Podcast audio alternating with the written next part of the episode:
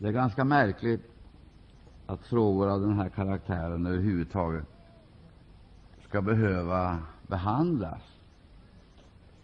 Det, det är märkligt. Och så är det ju nästan lite komiskt, det förhållandet att eh, det finns så kolossalt många olika synpunkter. Det är så många varianter. Det här är ju, om vi ska vara uppriktiga, väldigt enkelt. Men vi har ju en sjusärdeles förmåga att krångla till allting. Men det här är enkelt. Svårigheten ligger alltså i det förhållandet att vi gärna vill eh, eh, arbeta och verka utifrån eh, våra mer eller mindre förvärldsliga, förvärldsligade värderingar. Vi talar om kristna värderingar vi talar om kristen etik och så vidare, som om detta skulle vara någonting att erbjuda mänskligheten. Alltså för det första så kan vi rent ut sagt säga att det finns ingenting sådant. Det, det, det, där är alltså ett talesätt som man kan använda, men ingen vet egentligen vad det är för någonting. Det är klart att det finns det är klart att det finns väl en kristen etik, det gör det väl. Men eh, det finns definitivt ingen kristen etik som kan appliceras på världen. Och där ligger problemet. Det är vansinnigt. Lika lite som det finns kristendom utan kors, alltså, lika lite så finns det ju någon kristen etik som skulle kunna appliceras då på samhället. Och då är frågan den, varifrån kommer sådana idéer som människorna uppenbarligen förälskat sig i, är redo att satsa mycket på? Ja, det, det, finns naturligtvis rötter, och jag ska inte tala så väldigt mycket om det här idag, men en av de största, kanske till och med ska säga farligaste, eh, farligaste eh, förväxlingarna, begrepps... Det är alltså frågan om en slags begreppsförvirring. Förväxlingar, det är ju att man placerar sig i Gamla testamentets värld och börjar eh, då um, tala om det kristna samhället. Det är naturligtvis gammaltestamentligt. För ett eh, sådant samhälle existerar inte. Det har aldrig funnits, kommer aldrig att finnas. Eh, aldrig. Det finns inga kristna samhällen, lika lite som det finns några kristna stater. Det finns inte. Men däremot så finns det kristna individer och människor som förenar sig i kristna församlingar, där de ska alltså då ha det kristna livets frukter. Ja, och då handlar det om rättfärdighet och eh, om, eh, ska jag kalla det, ett klasslöst samhälle, kan man säga, för att göra det enkelt. Och det här om det kristna samhället, det är ju så farligt, därför att eh, då kristnar man ju människorna angron. Alltså, istället för, vi vet ju varenda en att det inte finns någon kollektivanslutning till Guds rike. Det finns inget. Det, finns det, det har funnits det socialdemokratiska partiet gå in i fackföreningsrörelsen så blir du samtidigt kollektivansluten i socialdemokratiska arbetarpartiet. Men det har de övergett. De tyckte att det var odemokratiskt och inte särskilt bra.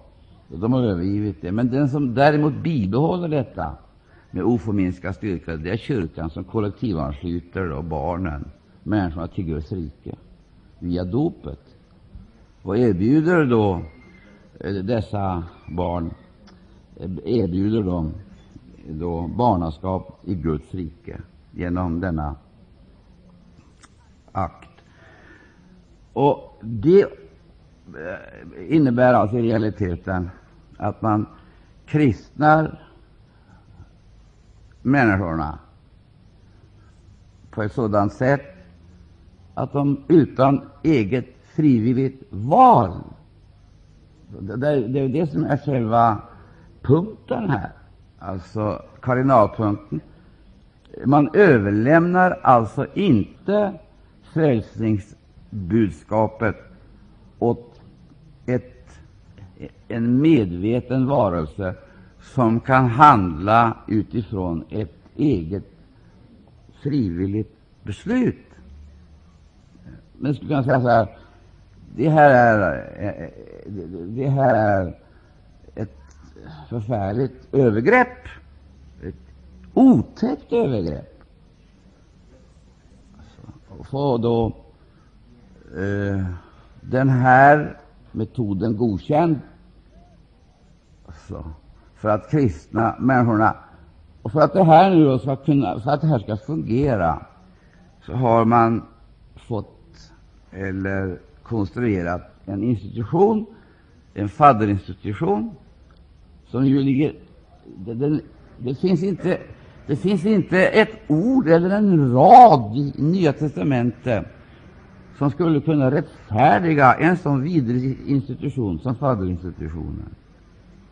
Alltså, det vill säga, eh, någon annan, alltså en annan person än just frälsningskandidaten åtar sig att svara för det här lilla barnets frälsning, eller i varje fall det där lilla barnets fostran. Och det är helt förbluffande att denna vidriga lära, denna fruktansvärda lära, har kunnat leva vidare och eh, befäst sig i exempelvis eh, i världen. Här ligger det stora problemet. Det är kyrkans sätt att omvända, vilket då eh, i sin tur självklart har sin historiska förklaring.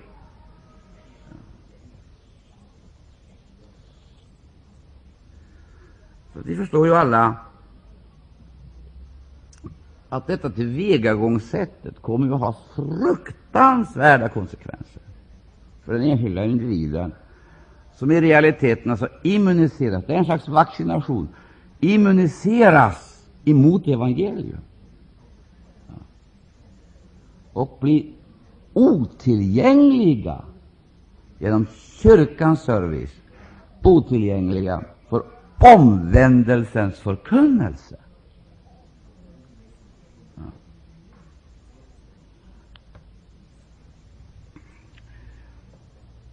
Ja, det finns väldigt mycket att säga här som man egentligen borde ta upp mycket ofta, för att, så att inte de här eh, teserna, som ju är så oerhört befästa i människornas medvetande, också får smyga sig in bland väckelsefolket.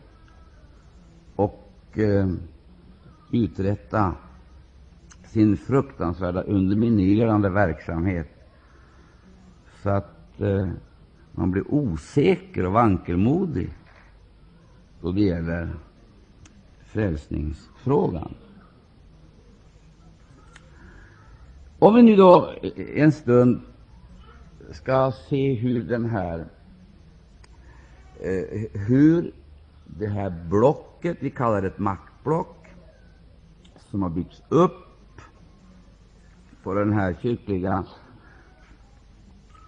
eh, frälsningsläran, vars konsekvenser också innebär att man betraktar alltså att alla de som bor inom ett speciellt område, inom ett geografiskt område, och har eh, blivit föremål för den här ceremonin, de är kristna. Och då börjar, som en följd av det här talet, också att kretsa sig omkring de kristnas inflytande. Det är kristnas inflytande i samhällets olika institutioner, skola, de kristnas inflytande i det politiska livet och de kristnas inflytande inom andra samhällsområden. Och eftersom då vårt land är ett kristet land, via den här Ja, det är en variant av teokrati. Eftersom då vårt land är ett kristet land, så är det också självklart att eh, kristendomen eh, den ska utöva, utöva, riktigt utöva sin makt på alla nivåer och i alla sammanhang. Nu ska jag läsa ett bibelord. Jag ska gå ut ifrån ett bibelord i Första Johannes brev. Och när jag sagt det här inledningsvis så nämner jag det här bara för att vi ska ha en utgångspunkt och redan från början deklarera att det är fullständigt omöjligt att uppnå det man uppenbarligen menar sig sträva efter, eller säger sig sträva efter. Det är uteslutet. Om vi går till första Johannes brevs första kapitel, första Johannes brevs första kapitel, så står det så här ifrån första versen. Det som var från begynnelsen, det vi har hört, det vi med egna ögon har sett, det vi skådade och med egna händer tog på, det förkunnar vi om livets ord talar vi. Alltså, man kan säga så här att det som var ifrån begynnelsen, det är det som är det ursprungliga och äkta. Och så vill man veta sanningen om de här tingen, också den fråga vi nu ska tala om, då måste man gå till själva urkunden. Så måste man ta reda på hur, alltså, hur uppträdde de första kristna? Hur uppträdde Och hur var deras relationer till det dåtida samhället? Det vill säga att den här problematiken är på intet sätt ny. Den Är inte, det är bara det att Eh, man har valt att lösa det här problemet på olika sätt under olika perioder under kristenhetens gång. Och vi kan ju säga så här att tendensen har ju varit entydig. Den har varit på så sätt att man inte har strävat efter att nalkas eller närma sig de urkristna idealen, utan tvärtom har det ju varit så att man har strävat efter att avlägsna sig. Och när jag säger strävat efter, så är det inte så att man har gått ut och predikat att man skall överge eh, de ursprungliga idealen, exempelvis församlingsidealen, missionsidealen och så vidare, den kristna eh, missionen. Och så vidare. Det är inte det man, att man skall avlägsna sig från den, utan man har alltid, hävd, alltid hävdat att vi måste komplettera.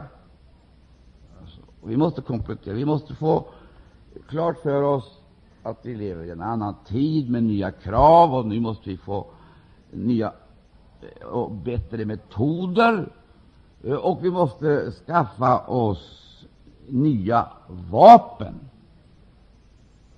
En strävan alltså att vara modern. Vara modern. Vi kan säga så här att eh, då väckelser har kommit, alltså riktigt slagit igenom, så har det alltid inneburit att de kristna har återförts till ursprunget på fundamentala punkter. Det är inte så att man har marscherat vidare. Man har vänt om och gått tillbaka och tagit reda på vad står det egentligen vad sa apostlarna? Hur praktiserade den kristna församlingen eh, den undervisning apostlarna gav. Man har gått tillbaka. Det har i sin tur inneburit förfärliga splittringar, ohyggliga, eh, ohyggliga eh, konflikter. Men denna strävan tillbaka, den, är, den är påtaglig och typisk. Och det i sin tur beror på att man har kommit underfund med att det finns något fundamentalt fel som är så allvarligt att man inte har kunnat fortsätta. Och om man inte har förmått göra det här uppbrottet, göra omvärderingarna och återgå till det ursprungliga, har alltid lett till att de, dessa stenar tiga, Om dessa tigar ska stenarna ropa. Det vill säga, då har Gud tagit ut andra, andra som utan förbehåll och reservationer och utan de här till synes svåröverkomliga hindren har börjat ifrån början. Och när jag säger börjat ifrån början, det vill säga det har alltså stigit fram med alla de ursprungliga kännetecknen.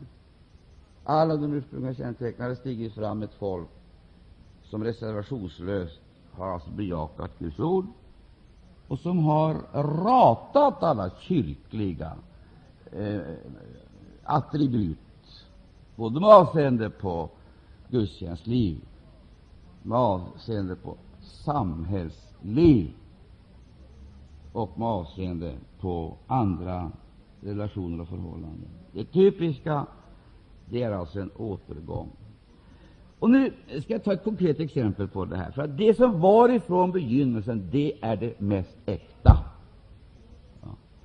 Det som var ifrån begynnelsen, det är det mest pålitliga.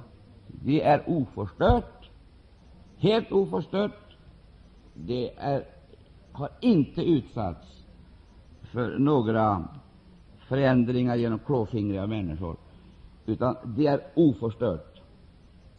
Och därför är det väldigt viktigt att man förmår ta emot detta ursprungliga och äkta budskap, som vanligtvis kännetecknas av stor enkelhet, mycket stor enkelhet, fritt ifrån alla krokiga vindlingar och besynnerligheter, alla teologiska spetsfundigheter och all advokatyr, så talas det ett enkelt budskap som varenda en kan begripa. Det är teologerna som är specialister på att göra budskapet komplicerat. Och kyrkan har varit oerhört lättpåverkad av dessa teologier. För att, lyssna ska du få höra. Lyssna ska du få höra på ett typiskt fall, ett typiskt exempel, där den här tendensen till världslikställighet slår igenom. Det är på väldigt många områden det här gäller. Lyssna nu noga ska du få höra vi har i våra kyrkor exempelvis någonting som vi kallar för liturgi. Kan ni tala om för mig vad liturgi är? Vi har någonting som kallas för litania då det gäller gudstjänstlivet. Vi har en hel mängd, vi har en hel mängd olika typer av skrudar, ämbetsskrudar. Vi har eh, eh blandad kör och vi har också vanligtvis orgel, piporgel. Kan ni tala om för mig var detta kommer ifrån? Så att vi vet ju varenda en som sitter här. Du kan ju inte läsa någonting om det i den här boken, om du inte håller dig kvar i Gamla testamentet. Där finns det ju. Men någonstans måste det ha kommit ifrån. Och varför? Det har ju kommit från någonstans. Vad är det då som kyrkan har hämtat sina mönster? Alltså, hämtat sina mönster. Och varifrån har hon fått sina medel för gudstjänstlivet. Exempel, vi tar en gång igen. Var kommer de här ämbetsgruderna ifrån?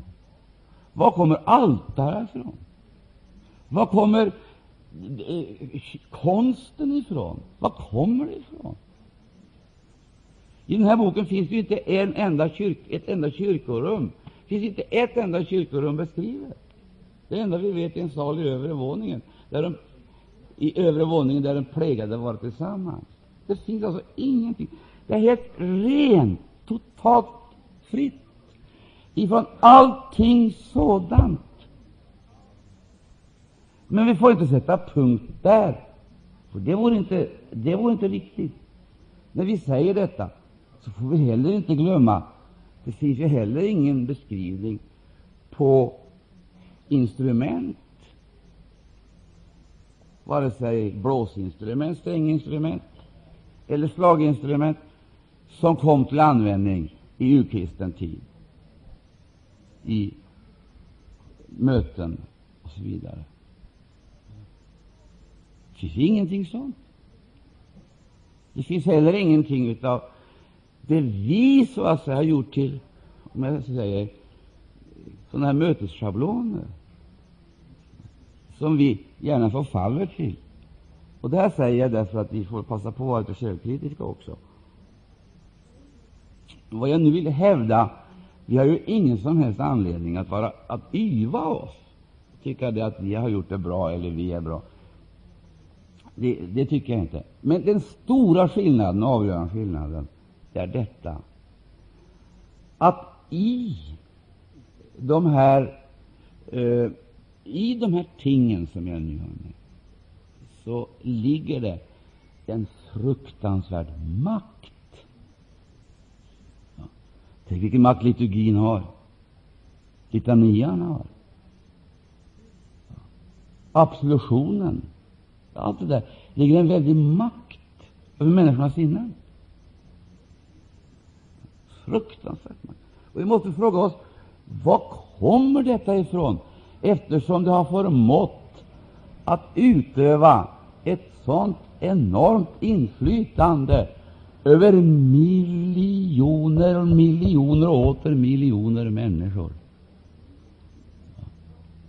Alltså, vi skulle kunna säga som har varit beroende utav dessa ting och fortfarande är beroende utav hela världen. Var kommer allt detta som katolska kyrkan exempelvis har att bjuda sökaren på, eller människan på, för att ge henne tillfredsställelse eller trygghet eller lycka, eller vad vi vill kalla det för. Var kommer det ifrån? Jag tror att det är väldigt viktigt att vi gör klart för oss att vi måste gå tillbaka till begynnelsen med avseende på den kristna församlingen och se att ingenting av det jag nu talar om fanns. Det fanns ingenting. Det var någonting som kom så småningom. Och vet ni vad vi kan säga? Det är just de här symbolerna, förebilderna, det är just de som kom att bli religionssurrogaten som en dålig ersättning för det ursprungliga liv som var typiskt. Jag ska bara ta en sak till, eh, och det är det här. Vi har ett prästskrov. Vi, vi, vi, märker att det finns alltså präster som har ordinerats för dessa eh, tjänster utav kyrkan. Och man talar till och med om kyrkans succession.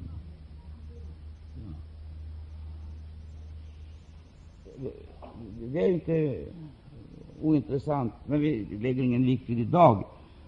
Alltså, prästerskapet, var kommer det ifrån? För att om vi ser på det som var ifrån begynnelsen, så fanns det ju inte körer och sångföreningar. Och det, och det av den enkla anledningen att hela församlingen, hela församlingen sjöng. För hela församlingen. Och man, eh, innan man materialiserade alltså den här sången och gjorde den till skönsång, så var det församlingssång. Man sjöng i anden utan att man anfördes av instrumentalister. Man sjöng i anden. Och denna sång i anden den var en maktfaktor, en oerhörd maktfaktor. Man kan fråga sig vad, vad, vad det var som gjorde att just den sången tonades bort. Vi bara konstaterar att detta materialiserades. Det kom in skönsång genom eh, olika typer av mycket, mycket förnem sång, upphämtad från olika områden, olika sammanhang. Där var det väldigt mycket att säga. Tänk den där andliga sången som hade en sån fruktansvärd genomslagskraft. Och som Paulus talar om att vi ska sjunga och spela till Herrens ära i edra hjärtan. Alltså, en kristen har en hel orkester inom sig. Och Det gällde för att Anden får anslå strängar. Och, alltså att vi inte trakterar instrument utan blir instrument.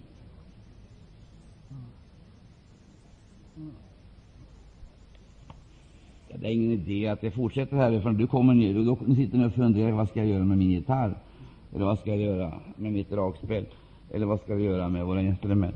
Alltså, vi, vi, vi, vi, vi måste ha klart för oss att det stora problemet det är det att alla hjälpmedel som ifrån begynnelsen vanligtvis är enkla och relativt okonstlade,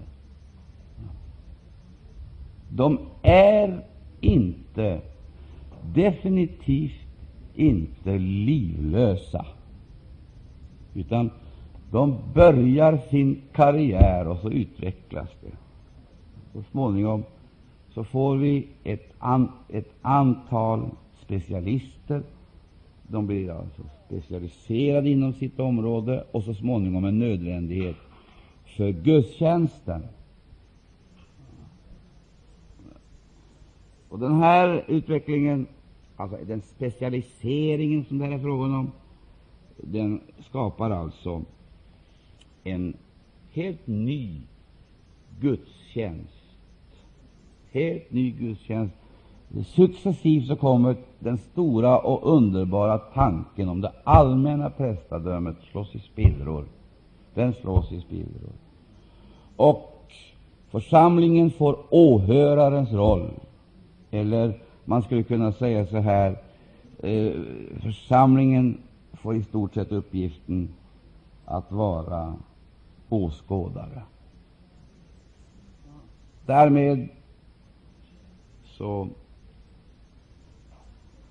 har man börjat den här processen mot det vi kan kalla för kyrkokristendomen, som är en fruktansvärd maktfaktor.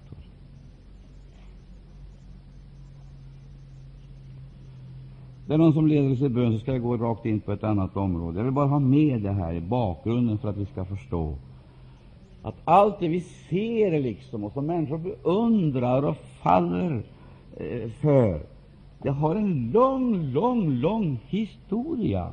Har en lång historia. Vi måste gå förbi allt sammans där och gå till det som var ifrån begynnelsen. Och då upptäcker man det enda sättet att komma förbi detta och nå fram till urkristendomen, det är att befrias ifrån alla babyloniserade gudstjänstformer.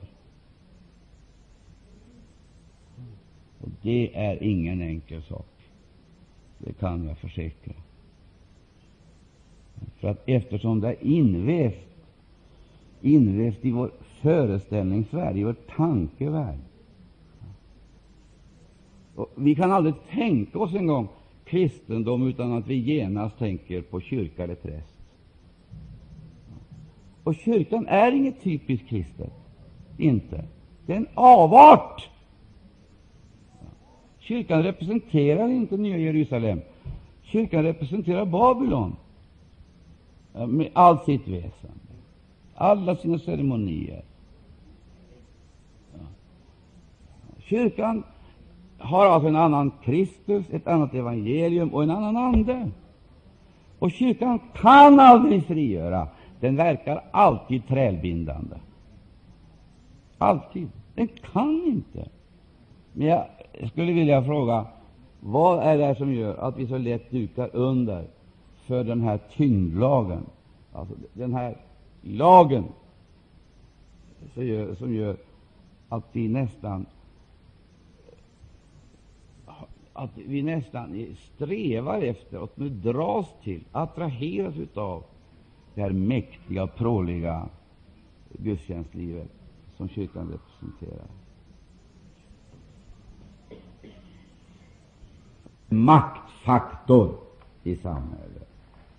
Och det alltså av orsaker som är ganska eh, självklara i och för sig, nämligen Kyrkan är en del av världen. Kyrkan är egentligen samhället. Det politiska livet, där har du samhället i dess profana former. Kyrkan, där möter du samhället i dess religiösa former. Här finns det en intim gemenskap, det vill säga man är symbiotiskt förenade. Och det finns definitivt ingen skillnad på kyrkan och världen i övrigt. Alltså väsensskillnad. Det är möjligt att det finns en gradskillnad. Därför att man kan ju tala om, man kan, när man talar om detta, tala om kultur och man kan tala om andra maktfaktorer och förhållanden som påverkar människorna och skapar så att säga samhället, miljö, alltså atmosfär, strukturer. Där har naturligtvis kyrkan en stor betydelse, en stor funktion att fylla. Men tro inte för ett enda ögonblick att kyrkan är en frälsningsinstitution. Kyrkan är och förblir en kulturinstitution, har definitivt ingen möjlighet att erbjuda frälsning. Absolut inte. Har inga som helst förutsättningar att garantera verkningarna av sina egna sakrament. Sakramenten är en bluff. Ordinationen är en bluff. Påstående om succession är en bluff. Alltså, om vi ska se det här ur andlig synpunkt, att det finns en historisk, så att säga, en historisk då, bakgrund som har byggt upp den här institutionen och gjort den till vad den är i tiden. Så att kyrkan, exempelvis katolska kyrkan, kan gå ut och deklarera att utanför kyrkan ges ingen frälsning och få miljoner och åter miljoner av människor att tro på detta och förslavas under detta, som lever hela sitt liv i fruktan för prästerna och för att kyrkan skall använda sina instrument att utsätta människor för förtryck och repressalier. Och, och, och, Det är helt förbluffande, helt förbluffande att också Eh, eh, vi, som då skulle vara väckelsekristendomens bärare, kan vara så fruktansvärt, så fruktansvärt rädda och ängsliga för att råka i någon eh, råka i konflikt med denna makt. Det står klart att vi vedergällen henne. Det är faktiskt en del av växelkristendomens stora uppdrag att vedergälla henne. Och hur ska hon vedergällas? Ja, det kan jag tala om för dig. Bibeln är klart för oss hur vi ska göra. Eh, det, det kyrkan mer än någonting annat är rädd för. Och det kyrkan mer än någonting annat, så att säga, störtar för, det är evangeliet ljus. Sprid ljus, så rasar det ihop. Vad som behövs, det är uppenbarelsens ljus. Men då måste det vara med livet som insats. Alltså, där ljuset faller, där störtar det här systemet. Och där frigörs människor. Och vad är det för ljus? Det är sanningens ljus, för det är sanningen som frigör.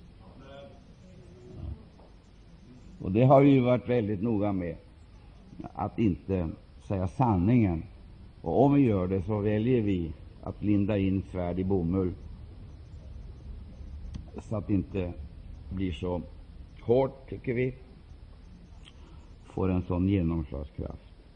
Mina vänner, denna kyrka har självklart varit angelägen om att utrusta sig med alla tillgängliga maktmedel inom alla områden. Inom alla områden. Därför så har den med avseende på kyrkan själv bedrivit en avancerad kyrkopolitik. Det är möjligt att det är den vidrigaste politik som finns.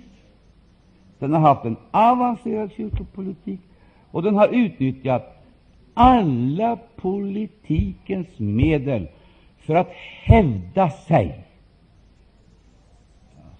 för att behålla, befästa och utvidga sin makt.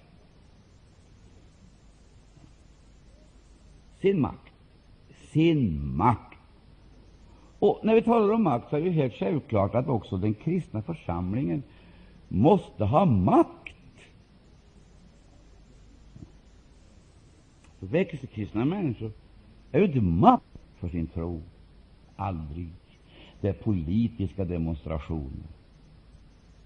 Det är ett effektsökeri som ligger alltså utanför det som var ifrån begynnelsen.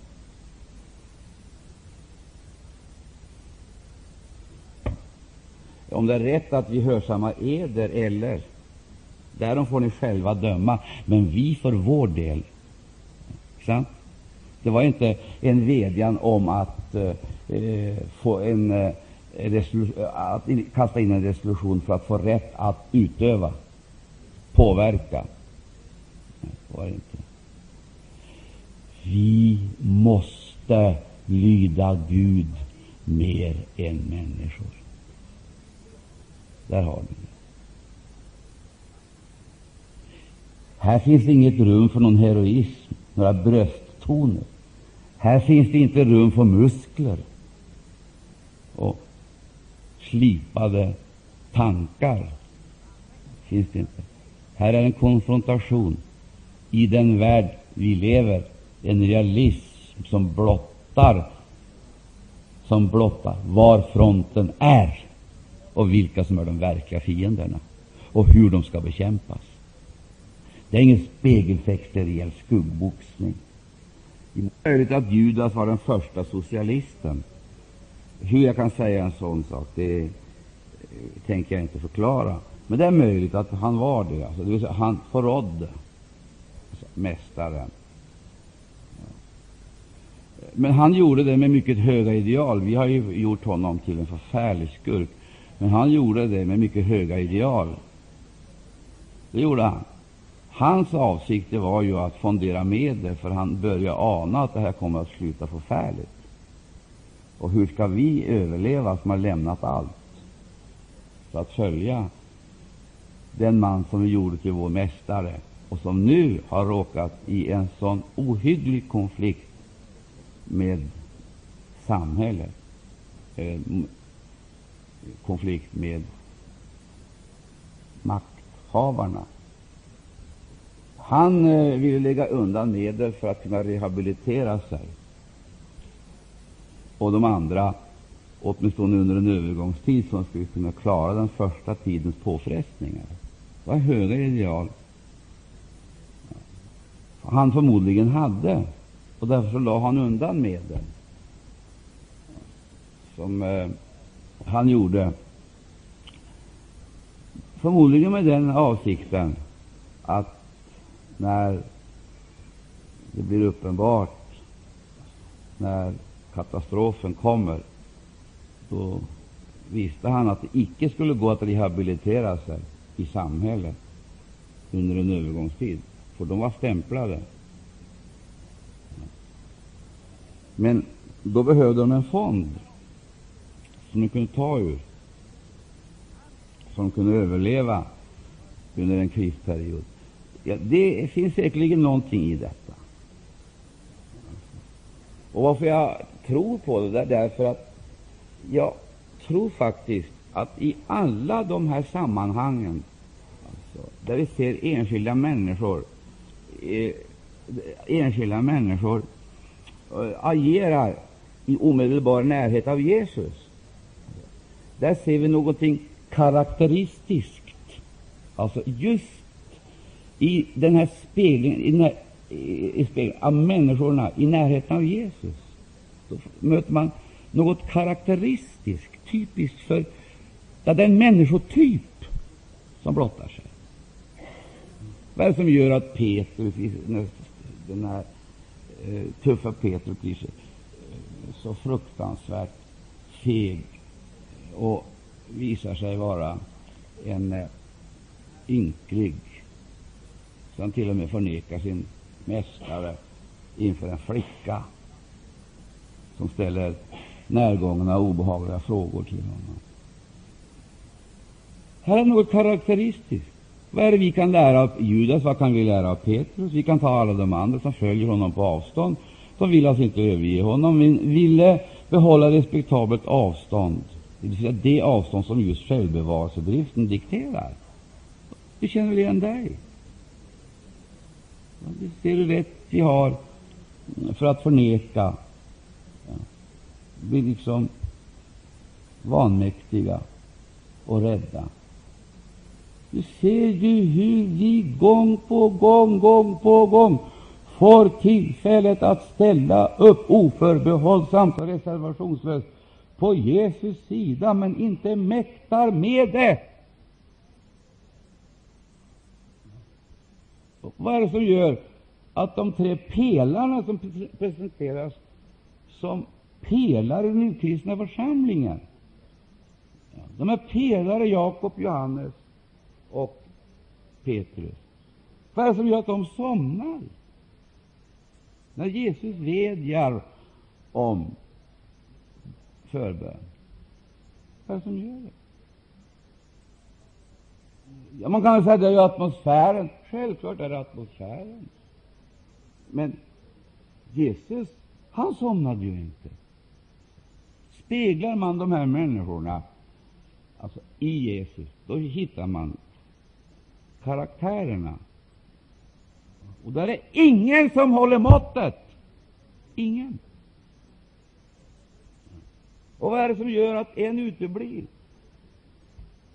En uteblir och finns inte där när Jesus uppenbarar sig. Och vad är det som gör att de beslutar sig för nu går vi och fiskar, och då svarar de andra vi följer med dig. Så återgick de till den sjö som de en gång hade lämnat. så möter de där för andra gången den frälsare som de mött tidigare. Andra, men naturligtvis en radikalt ny situation. Alltså det är det karaktäristiska, typiska. Vi kan se hur människorna, jag vill inte säga avslöjas, utan det uppenbaras vad som bor i deras hjärtan och deras sinne i närheten av Jesus. Vad är det som gör att exempelvis Petrus griper till svärdet och ska försvara Jesus? Vad är det som gör det? Jag skulle vilja tro att det är väl de medlaste tjänster som han förmår prestera. Han ville åtminstone försöka försvara honom. som var så attackerad och utlämnad. Så tar han svärdet och så hugger han till. Börjar du analysera det här, varje, varje sak, varje individ i det här skeendet, det mönstret, då upptäcker du alltså tendenserna och benägenheten och böjelserna som vi har. Och då börjar du förstå varför vi har så lätt att gripa till medel alltså, som egentligen är en förfärlig dementi på vår tro och en förnekelse av det Jesus egentligen representerar. Det finns eh, flera saker här som jag skulle vilja gå in på. För jag tror faktiskt att det är rätt viktigt att vi får se den här, det här med politiken i det rätta sammanhang, så vi inte eh, faller för den frestelsen att polit, politiken skulle vara ett verkningsfullt medel, ett medel som skulle kunna främja eller gagna Guds rike. Det finns ingenting som har förstört Guds rike så som politiken. Därför att politiken den avslöjar på ett ganska ruskigt sätt då människorna frigör dessa sina böjelser och griper till de här medlen i ett syfte att befrämja eller utveckla Guds rike, då Ja, vad sker? Då är det som om avfallet reser sig upp som en förfärlig maktfaktor och en fiende till väckelsekristendomen.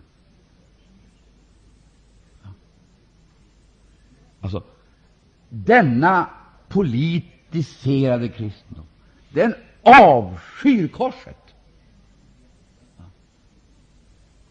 och upplever alltså väckelsekristendomen som ett irritationsmoment, men inte bara som ett irritationsmoment, utan som ett hot.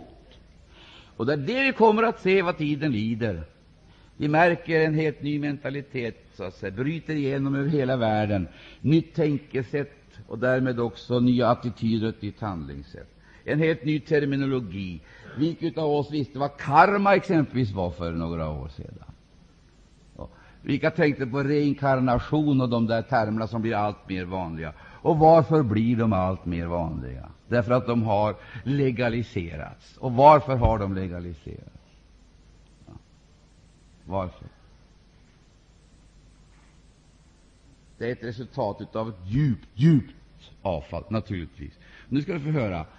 Det är ju detta som gör att människorna slutar reagera, slutar reagera för fenomen som man tidigare mobiliserade all sin indignation för att bekämpa moraliska, psykologiska indignation, för att protestera. Men vi märker att de här protesterna blir allt mer eh, utslätade, uddlösa, verkningslösa, allt mer maktlösa och vanmäktiga. Vad beror det på? När vi talar om förföljelse så tycker vi ja, det är väl omöjligt med förföljelse att exempelvis vår officiella kyrka, denna institution som förefaller vara så demokratisk och välordnad och human och tolerant, att denna skulle etablera sig i någon form av förföljelse, det förefaller vara så omedelbart. Så ser vi inte att kyrkan är invecklad i en förfärlig förföljelse. Det är bara att vi upptäcker den inte, därför att vi har inte förmåga att analysera verkligheten och kan inte definiera begreppen. Ska jag konkretisera mig, eller kan ni förstå hur egentligen det här fungerar? Det finns ingen här, det finns ingen här i denna samling som egentligen har tagit trons konsekvenser fullt ut. Därför så har vi alltså kompromissat oss mer eller mindre till fred. Vi lever kanske lite farligare än andra. Men verkligheten är den att vi har kompromissat oss till fred, gjort oss allt mer beroende av staten, och så länge vi är beroende av staten så är vi relativt ofarliga för staten. Men ni kan nu fortsätta eh, ta olika frågor eh, och bena upp det och konstatera att på de punkter där vi skulle ha protesterat eh, med vårt eget liv som insats har vi i realiteten upprättat, alltså, upprättat förbindelser, fredsallianser och kontrakt eller avtal som gör att vi lever ganska ofarligt, åtminstone ännu.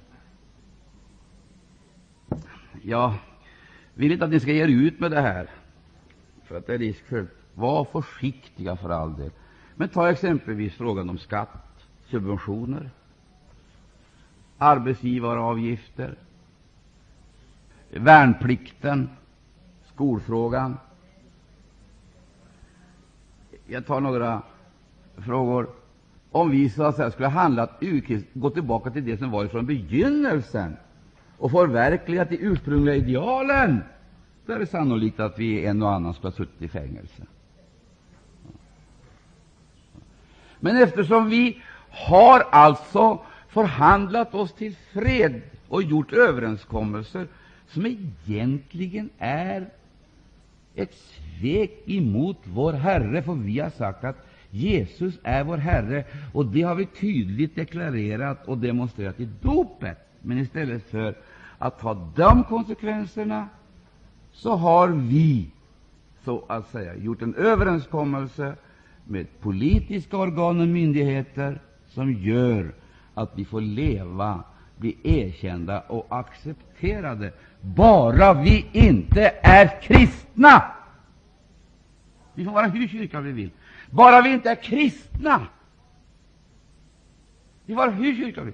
Vi får ägna oss åt alla våra ceremonier, vi får tala i tungor och vi får också bedja för sjuka och vi får göra i stort sett allt det vi lyster, bara vi inte är kristna. Och Jag tror inte vi är redo att bejaka detta, men det här är det som var från begynnelsen. Eh, ni får själva avgöra om det är riktigt att vi, att vi eh, hörsammar eder eller andra. Så, ser du? Ser du? Eder eller Gud. Ja. Men vi för vår del kan inte låta bli. Jag skulle vilja fråga, vad var det uttryck för? Ja. Vad var det uttryck för? Upproriskhet? Nej. Samhällsfientlighet? Nej. Men medvetenhet om att vårt samhälle behöver den Jesus vi predikar. Och allt som hindrar denna förkunnelse vägrar vi att på något sätt underordna oss. Det säga, allt som hindrar eller hämmar förkunnelsen, vittnesbördet, bekännelsen och livet med honom, det underordnar vi icke. Och där finns det en faktor som är helt omutlig, inte kan förändras. Vi måste lyda Gud mer än människorna. Om du frågar gäller det fortfarande, så säger jag amen. Ja, men varför demonstrerar bevisar vi inte det? Det tror vi ju på, bekänner oss till. Men vi är väldigt angelägna om att upprätthålla goda diplomatiska förbindelser med denna världen.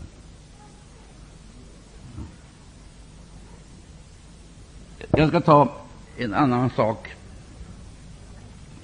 Eh, när jag är inne på det här Men innan det så ska jag bara fråga lite försiktigt.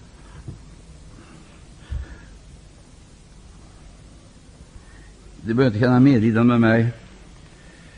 Eh, Jag förväntar mig att du ger ett besked.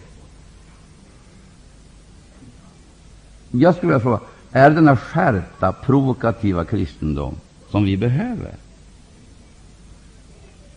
Av två anledningar. för att vi ska nå till människorna. Det är den ena sidan. Men också för att vi själva ska överleva som kristna. Eller välja att bli kyrkliga och kyrkokristna och falla in i den religiösa, eh, i det religiösa etablissemanget.